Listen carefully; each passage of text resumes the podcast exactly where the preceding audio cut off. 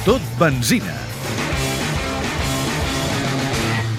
Entre l'1 de desembre de 2010 i fins al 31 de gener de 2011, les motos del Mundial de Motociclisme no es poden engegar per prohibició de la Federació Internacional. És el moment de fer les valoracions d'aquesta temporada, que ha estat la més profitosa del motociclisme català a la seva història.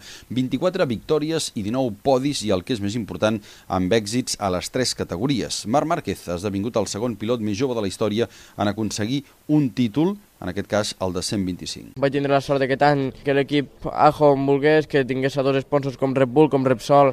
Contentíssim perquè, vulguis o no, un campionat del món no es guanya cada dia i, i al final ho hem aconseguit el nostre tercer any i molt contents. Toni Elias ha aconseguit el campionat de Moto2, així parlava tot just coronar-se a Malàisia. És increïble, estic bloquejat, no, no, no. Em costa molt sentir, expressar-me, però bueno, estem, hem complert eh, amb, amb l'objectiu, he aconseguit el meu somni de, de quan era un nen. I Dani Pedrosa ha tornat a guanyar la medalla de plata a la categoria reina després d'un any en què ha superat la seva mitjana de victòries en aquesta categoria, capaç també de sumar-ne de consecutives. Així fa la valoració de la seva temporada. Hem tingut bones curses, molt bones, però també de dolentes. Vam començar l'any amb molts problemes, després a, a la meitat de l'any vam agafar un bon nivell, després bueno, amb aquesta caiguda pues, es va trencar tot, tot el ritme que portàvem i, i ara encara tampoc estic recuperat, no?